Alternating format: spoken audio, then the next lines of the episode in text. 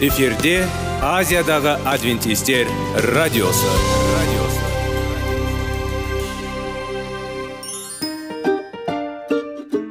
Сәлем достар. Денсаулық өмір бұлағы және біздің бірінші байлығымыз демекші денсаулық сағаты рубрикасына қош келдіңіздер. Біздің рубрикада біз әртүрлі факторларменен мәліметтерменен кеңестерменен бөлісіп шын жүректен сіздердің дендеріңіз сау болғанын қалаймыз. Сол үшін біздің рубрикаға қош келдіңіздер. Дайындалып тұрыңыздар. Өйткені келесі минуттарда қызықты фактілерге ие боласыздар. Енді достар ең бірінші байлығымызды қолымызға алып алға кеттік.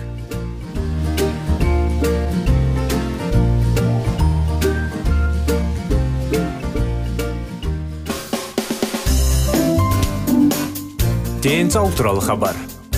Денсаулықтың ашылуы. Күн сайын сөз үшін күшті кеңестер соңғы жаңалықтар қызықты факторлар. Біздің рубрикада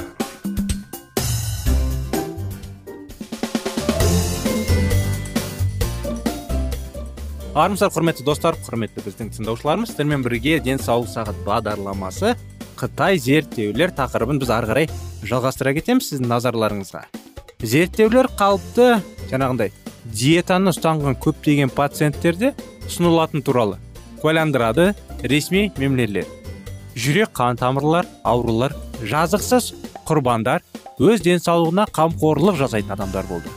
Олар қандағы холестерин деңгейін шамамен төртте жеті төртте тоғыз деңгейінде ұстап осы ұсыныстарды ұстанды. Олар үшін сыйақы миокард инфарктісі болды. Бұл мезгілсіз өлімге әкеледі. Холестерин бойынша ұлттық білім беру бағдарламасы шеңберінде бәрін аяқтау үшін мынадай қауіпті ұсыныс беріледі. Өмір салтын өзгерту жүректің ишемиялық ауруы қаупін төмендетудің барынша тиімді тәсілі. Бірақ осыны ескере отырып көптеген адамдар липопротеин деңгейін төмендейтін дәрі дәрмектерді қажет етеді. Тығыздағы төмен. Жүрегі ең ауыр адамдар үшін осы салда ең беделді деп саналатын мекемелер ұсынатын диетаға қатысты ұсыныстар тым шектеулі.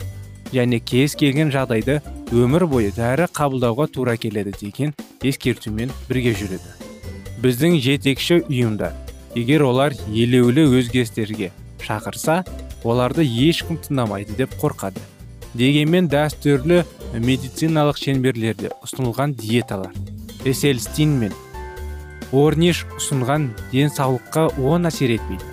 Шын мәнінде қандағы холестерин деңгейі 5-те 2 қауіпті 30 пайыз майлардан тұратын диета азайтылған май диетасы. Емес құрамында 0 миллиграммнан астам холестерин бар тағам зиянды емес біздің денсаулық сақтау мемлекеттеріміз қоғамды жүрек қан тамырлары аурулары туралы әдейі адастырады және мұның бәрі модерация үшін. Ғылымдар дәрігерлер және саяси бағытта дамытатын адамдар қоғам өзінің әдеттерін өзгертеді деп сенетіне қарамастан қарапайым азаматтар өсімдік негізіндегі тағамдарға негізделген диета ең пайдалы екенін білу керек. Жүректі дұрыс өмір салтымен емдеу бағдарламасына арналған семинарларға арналған материалдарда оның авторлары орниш және әріптестері былай деп жазады. Біздің зерттеуіміздің мақсаты іс жүзінде арпаны емес шындықты анықтау болды. Бүгінгі таңда шындық бізге белгілі. Тұтас өсімдік тағамдарына негізделген диета жүрек қан тамырлары ауруларының алдында алуға және емдеуге қабілетті.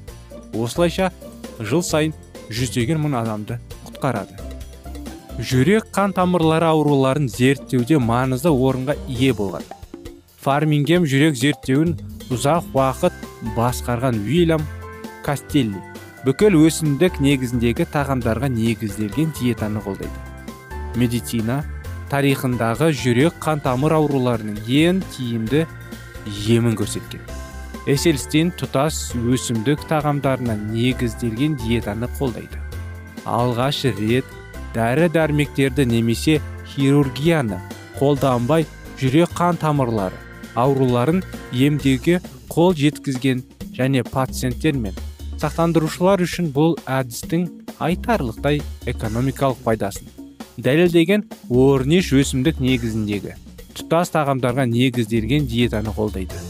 Қазір үлкен үміттер мен күрделі сын тегеурілерден уақытты адамдар өз денсаулығын бақылау мүмкіндігін анық алатын уақытқа келді. Ең мұқият дәрігерлердің бірі бұл туралы ең жақсы. Біздің кәсіп өкілдерінің ұжымдық ар ождыны. Сонымен еркі қазір ең ауыр сынаққа ұшырайды. Дәуірлік тапсырманы орындау үшін батылдық танытудың уақыты келді. Осындай анықтамалармен мінекей бізде алтыншы тарауға да келіп жеттік. Сезімдік біз бірнеше жыл бұрынғыдан гөрі айналаңыздағы адамдардың артық салмақ екенін байқаған боларсыз. Мүмкін сіз мектептерде балабақшаларда және ойын алаңдарында болған шығарсыз. Және көптеген балалардың артық салмақ қиындықтарың бар екенін және олар 6 метр қашықтықта демала алмайтынын көрген боларсыз. Бұл күндері артық салмаққа қарсы күресті байқамау қиын. Кез келген газетті немесе журналды ашып радио немесе теледидарды қосыңыз. Сіз көптеген адамдардан салмақ қиындықтарын бар екенін білесіз. Артық салмақ және сезімдік семіздік терминдері нені білдіреді? Стандартты көрсеткіш дене өлшемі дене салмағының индексі м жаңағыдай бми дейді ғой ол салмақтың килограмм биіктікке м квадрат қатынасын көрсетеді. Көптеген ресми стандарттарға сәйкес артық салмақты бми және 25 ал сезімдікпен бми көрсеткіші 30-дан асады. Сол жаңағыдай мөлшерде шкала ерлер мен әйелдер үшін де қолданылады. Сіз бмиді кесте арқылы анықтай аласыз. Балалар мүмкін ең қайғылы. Осы проблеманы аспект өсіп келе жатқан балалардың саны қиындық туып артық салмағы және сезімдік семіздік. Американдық жастардың шамамен 15 пайыз. Жаста жаңағы 6 жастан 19 жасқа дейін артық салмақты қиындықтар туады. Тағы 15 пайызы артық салмақ болу қаупі.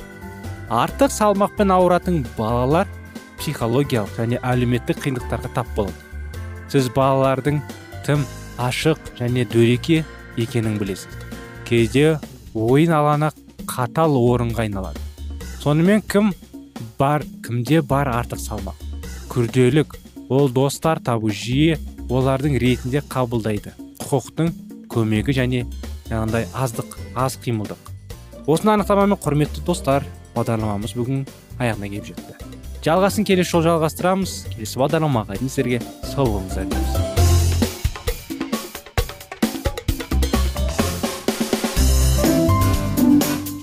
денсаулық туралы хабар. Денсаулықтың ашылуы.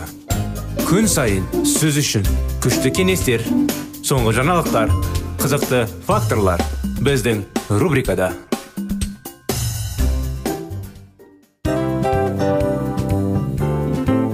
Әуелі байлық денсаулық екінші байлық он саулық үшінші байлық ақ жаулық. Ал енді осындай радио парақшадан кейін не дейміз? Барлықтарыңызға денсаулықтарыңыз зор болсын деп тілейміз. Денсаулықтың өзгеруі кішкентай нәрселерден басталады. Осымен біз берген кеңестер мен мәліметтер шын жүректен сіздер үшін қандай да бір болсын жәрдем берді деп үміттенеміз. Тыңдаушыларымызбен келесі радио парақшасына дейін қоштассамыз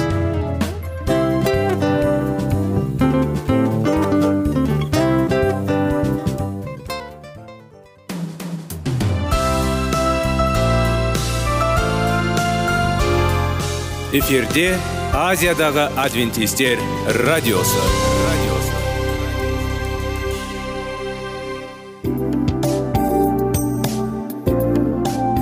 Сәлем достар. Барлықтарыңызға шын жүректен сөйлесейік рубрикасына қош келдіңіздер деп айтпақшымыз. Шын жүректен сөйлесейік бағдарламасы әртүрлі қызықты тақырыптарға арналған. Шындығында шын жүректен сөйлесейік деген сөздің мағынасы екі достың екі адамның ортасындағы шын жүрекпен сөйлесуі бір біріне сенуі ашықтық пен шындықты білдіреді. Сол үшін біздің бағдарламалар әртүрлі қызықты тақырыптарға арналған. Дайындалыңыз жаңа қызықты мәліметтерге ие болуға. Ондай болса кеттік.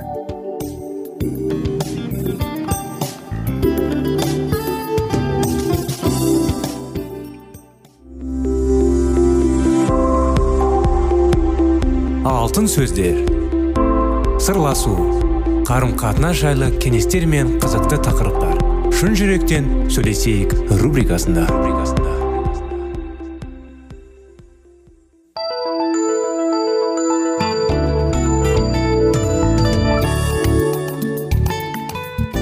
Сәлем достар армысыздар құрметті радио тыңдаушыларымыз. Сіздермен бірге шын жүректен сөйлесейік бағдарламасы. 25 керемет неке оқиғаларын жалғастыра кетейік. Мэри уилдің бүкіл конгрестің алдында мінбеден сөйлейтін алғашқы сезін жатқан оқында және оның ерні күйеуі айтқан сездерінде қозғалды. Ол өнер көрсеткенде мэри балконда тұрып уилға түрлі белгілер белгіленін көруге болады. Мэри уилдаға зерттеу жөніндегі ассистент ретінде көп көмектесті. Дебаттар кестесі бекітілген кезде және қандай да бір мәселе күн тәрбіне қойылған мезде мэри күйеуіне пайдалы болатын барынша көп ақпаратты тарту үшін конгресс кітапханасына жіберілді.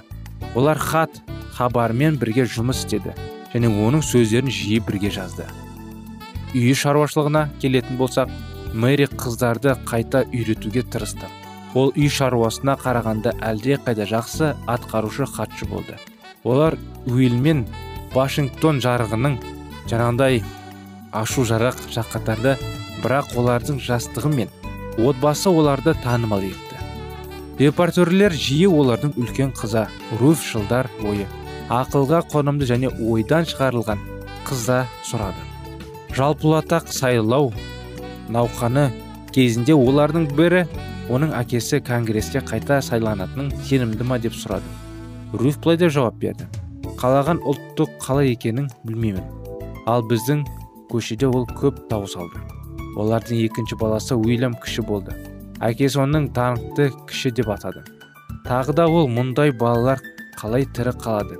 Мен үшін жұмбақ деді. Бірде мэри терезеге қарап ұлының телефон қабілетіне қалай жол салғанын көріп қолдармен тығыз байланған. Уилл мен мэри қонаққа барған кезде мөншілікті әңгімелер жиі жаттарында шаттарында.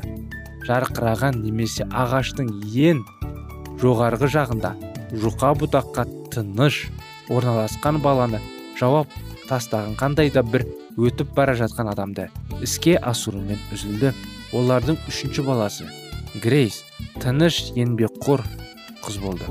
Ол жиі ауырды. Балалармен де күйеуінің істерімен де көп қиындықтар болған. Мэри вашингтонда өмірге тез үйренген. Линкольн мен джексонвилл оған көп ұнады. Бірақ ол әрдайым қиындықтарды жақсы көрді. Ал вашингтон саясатты отбасының бір кетігіне тексеру болды. Кеннинг былай деп жазды. Ол ақылды әйел болды. Қазіргі саяси оқиғаларды жақсы түсінді. Брайан тап болған барлық саясаткерлерді білді және олардың бақылауында әлде қайда қатал және практикалық болды. Ол саяси қайраткерлік әйелдерді арасында аз айналады және адамдарға пайда болған кезде киімдерге өте қамқорлық жасамады. Ол үшін оны сынға алды. Уилл кіммен тығыз достық қарым қатынас орнатуға бейім емес еді. Ол адамдарды жинаққа жақсы көрді. Бірақ әрбір нақты жағдайда оларды лайықты қашықтарға ұстауды және көрді. Ол аз ғана 30 жаста болды. Бірақ ол партиялық босаттарды және тіпті президент гровер кливлендті сынға қорықпайды.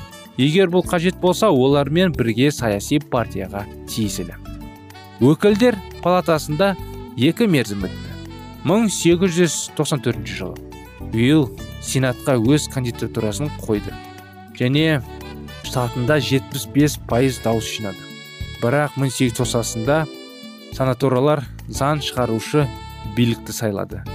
Брайан қандай кандидатурасы тек екі пайыз дауыс жинаған адамды қабылдамады және алға жылжытты?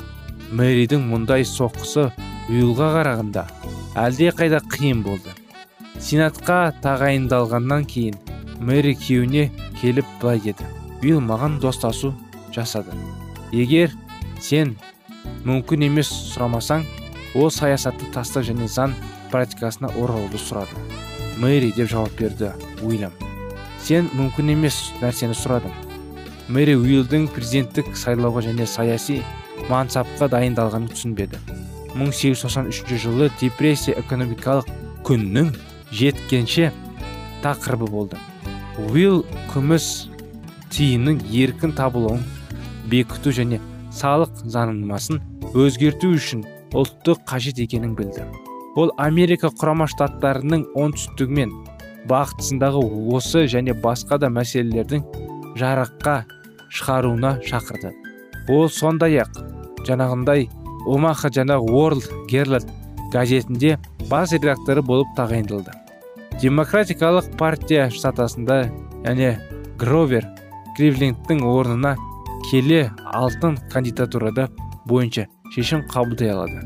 Міне уилл партия басшылығына хат жазды.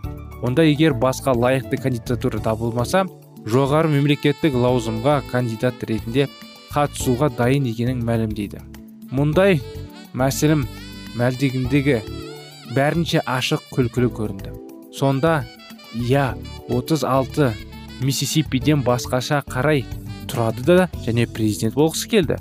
Масқара ғой уилл шын мәнінде чикагода 1896 жылы ұлттық конвентте қараңғы ат болды. Бірақ дебаттардан қызған кезінде ол трибунға шығып өзінің атақты алтын айқыш сөзін айтады. Ол тіпті кандидаттардың ресми төзімінің енгізілген жоқ. Бірақ жалында шешендік оны бірден алға қойды. Бесінші турда жеребе тартау жас жанағындай шешім және ештеңе өз кандидатурасын ұсыну құқығына ие болды. Бірақ бұл партия нью йорк қақпалары демократикасынан қолдау көрсетуден бас тартады. Және науқан бойынша ешқандай әрекетсіз. Ол нью йорк мэдисон сквер градиттің сөз сөйлеуіне штаттардың батысындағы науқанды бастаған кезде олардың өз жағына тартуға мүмкіндік болды. Осымен бағдарламамыз аяғына келді. Құрметті достар бүгінгі күнде сіздерді келесі бағдарламаға шақырып келесі жолға сау болыңыздар дейміз.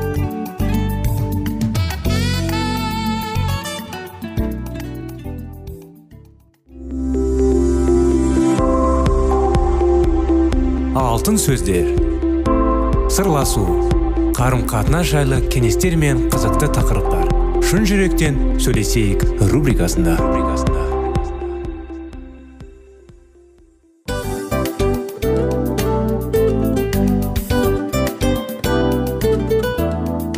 Құрметті достар барлық ең соңғы кеңестер аяқталған соң біздің программамыз соңына келіп қалды. Осы біздің мәліметтер осы рубрикада айтылған әрбір сөздер сіздерге өзінің қандай да бір пайдасын алып келді деп шын жүректен сенеміз. Және бұдан да көптеген рубрикаларымыз бар. Басқа рубрикаларымызда біздің зерттеулерімізде сіздер үшін тағы да қызықты мәліметтер дайын. Біздің шын жүректен сөйлесейік парақшамызда көптеген әдістер ең соңғы кеңестер адамның нравственность жақтан моральдық жақтан тазалап байыта тұрған соңғы кеңестердің барлығын жанарады. сондықтан алдыңғы күндерде бізбен бірге болыңыздар. Өйткені барлық қызықтар алдыда. Бізбенен бірге болғандарыңызға үлкен рахмет. Келесі кездескенімізше сау сәлемет болыңыздар.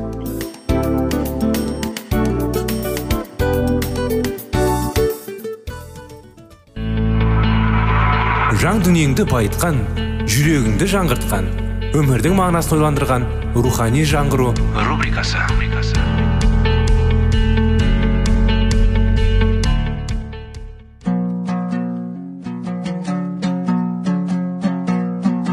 Ассалаумағалейкум біздің тыңдаушыларымыз. Келі кітаптың шындығын ашып берген қысқа бағдарламасына қош келдіңіздер. Барлығынан жоғары жаратушы біздің қарыңғылықта жалғыз қалдырып қойған емес. Өйткені ол келешекте не болу керек екенін кітаптың парақтарында ашып береді. Немесе келіңіздер бізге қосылыңыздар. Жаратушы бізге нен ашып бергенін зерттейміз. Бұған құдайдың әділеттігін бағаламау қаупі қосылады.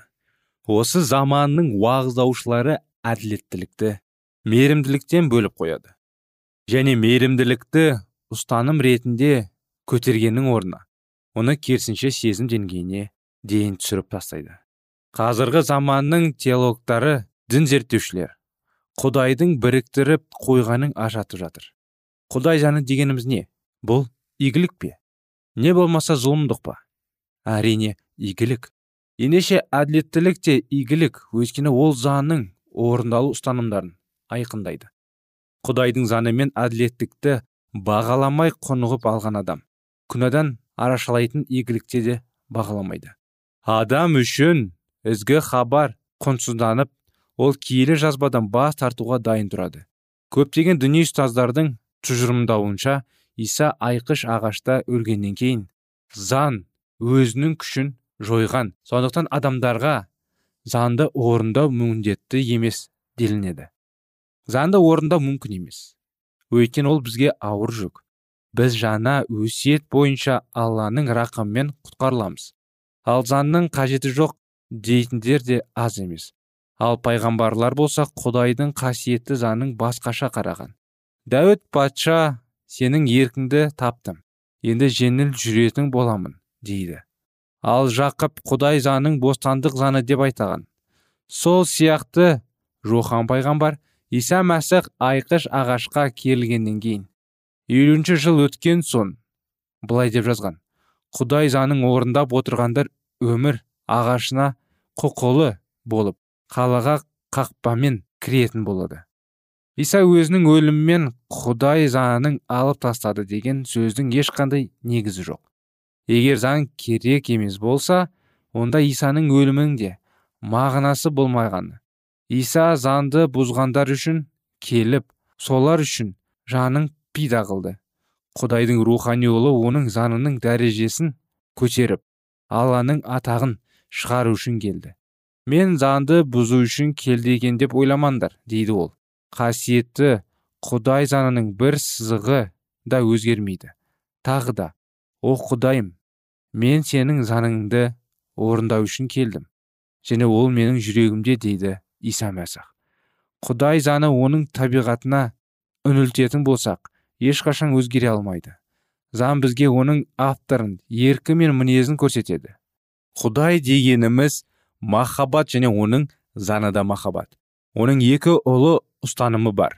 Құдайға деген махаббат және адамға деген махаббат. Махаббат дегеніміз заңның орындалуы. Забыр жырларында сенің заңың ақиқат. Ережелерің әділетті құдай заңы киелі әділетті және мейірімді деп жазылған келесі хатта құдай заңы оның авторы секілді мәңгі құдаймен татуласқан адамдар оның заңын орындай бастайды. Ең басында адам ата құдайдың бейнесіне ұқсастырылып жаратылған. Ол табиғаттың және құдай заңының ырғағына сай болған оның ұстанымдары адамның жүрегінде өмір сүрген. Бірақ күнә адамды оның жаратушысының бөліп тастады. Адам тәңіріне қарсы соғыс жариялады. Тәннің талабы бұл құдайға деген өшпенділік өйткені ол құдай заңына бағынбайды және бағына да алмайды. Бірақ құдай адамзат баласымен татуласу мақсатында өзінің рухани ұлын адамдар үшін құрбандыққа берді. Иса мәсіхтің арқасында адамдар бұл үйлесімді қайта қалпына келтіре алады. Ол үшін адам өз жүрегін тазартып жаңа өмірді қабыл алу керек. Бұл өзгеріс екінші рет туылу деп аталады. Онсыз адам алланың патшалығына кіре алмайды. Құдаймен татуласу үшін адам әуелі күнәсін мойындау керек. Күнә дегеніміз заңсыздық. Күнәні тек заң орындаулы арқылы ғана тануға болады. Адам өз күнәсін көру үшін әуелі құдай заңымен салыстырылу керек. Заң адамдардың кемшіліктерін немесе күнәларын көрсететін айна. Заң адамдардың күнәсін ғана көрсетеді. Бірақ одан құтқармайды. Заңды орындайтындар ғана өмірге ие бола алады. Ал оны бұзатындардың үлесі өлім. Тек мәсіхтің ізгі хабары ғана адамзатты күнәнің қарғысынан құтқарады. Адам құдайдың алдына келіп кінәсін мойындау керек.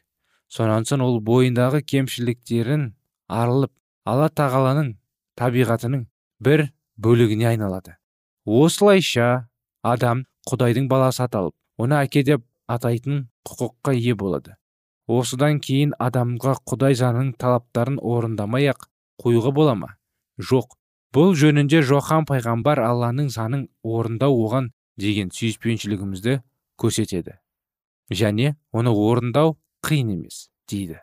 Қайта туылған кезінде сен құдаймен ғана татуласып қоймай оның берген заңымен де татулассың. Осындай керемет өзгертетін кейін адам өлімін өмірге күнәдан кейлікке заңсыздықтан адалдыққа өтеді. Ол үшін сүйіспеншілікке толы жаңа өмір басталады. Сонда адам сенің заңыңды соншалықты жақсы көремін. Күн сайын ол туралы ойлаймын дейтін болады. Жаратқанның тағдырымда кемелді жан дүниені тазартады деп жазылған киелі жазбада. Заңсыз адам қасиеттілік пен тазалықтың не екенін білмейді. Тіпті ол күнәқар екенін сезбейді және тәубаға түсу қажеттілігін жардай болып жүре береді. Мұндай күйдегі адамға мәсіхтің адамзат үшін төгілетін қанының мәні жоқ.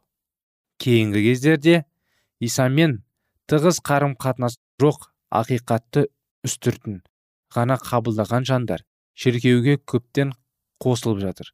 Құдай заңына құрайлы қару немесе одан бүгінде бас тарту қазіргі кезде көбейіп кетті. Жиелеп кеткен мұндай жағдайлар үлкен қателік және адам өмірі өте қауіпті. Басым көпшілік жұрттың сонындай теорияның жылы қарсы алы жатқаның жайлы дерек. Киелі жазбаны зерттеудің соншалықты қажет екенін көрсетеді. Шынайы бірақ білім. Бұл киелі жазбады зерттеу. Елші паул салоникалық жазған хатында сендердің жаратқан бөленіп сауаттарының ашулы құдайдың еркі деді жарыққа бөлену дегеніміз не? Екенін киелі жазба жақсы түсіндіреді. Құтқарушы өзінің шәкірттерінің тілектерін тілей отырып оларды ақиқаттың нұрына бөлегі. Өйткені сенің өзің ақиқат дейді.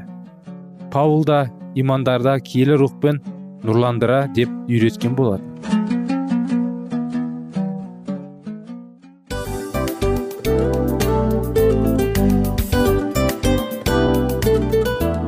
Мынау осы уақыт тез өтіп кетеді екен. Біздің бүгінгі рубрикалардың аяғына да келіп жеттік. Ақпаратымызды парақшамызды қазір ғана бастаған сияқты едік. Соңында да келіп қалдық. Уақыт деген тегі білінбей өтіп кетеді екен. Бүгінгі 24 сағаттың алтындай жарты сағатын бізге бөліп арнаған үшін рахмет. Егерде өткен сфераларда пайдалы кеңес алған болсаңыз біз өзіміздің масатқа жеткеніміз. Кеңестерді қолданам десеңіз өзгерістерді кішкентай қадамдардан бастап іске асыра беріңіздер де жасағандарыңыз үлкен үлкен жетістіктерге жете берсін. Шын жүректен әрбір берілген кеңестер сөздер сіздерге пайдасын әкеледі деп сенеміз. Сіздермен бірге кездесулерімізді сөзсіз түрде асыға күтеміз. Сәтті күн тілеп сіздер менің ұзаққа қоштаспай келесі кездескенімізше тек қана сау саламатты болыңыздар дейміз. Достар біздің бағдарлама бойынша сұрақтарыңыз болса әрине сіздерге керекті анықтама керек болса біздің whatsapp нөмірімізге хабарлассаңыздар болады. Плюс бір үш жүз бір жеті жүз алпыс алпыс жетпіс. Иә достар сіздер қателеспедіңіздер бұл біздің номерлерге ұқсас болмаса да бұл whatsapp номер арнайы. Хабарласыңыздар сұрақтарыңызды қойып тұрыңыздар. Анықтаманы алып тұрыңыздар. Плюс бір үш жүз бір жеті жүз алпыс алпыс жетпіс whatsapp номері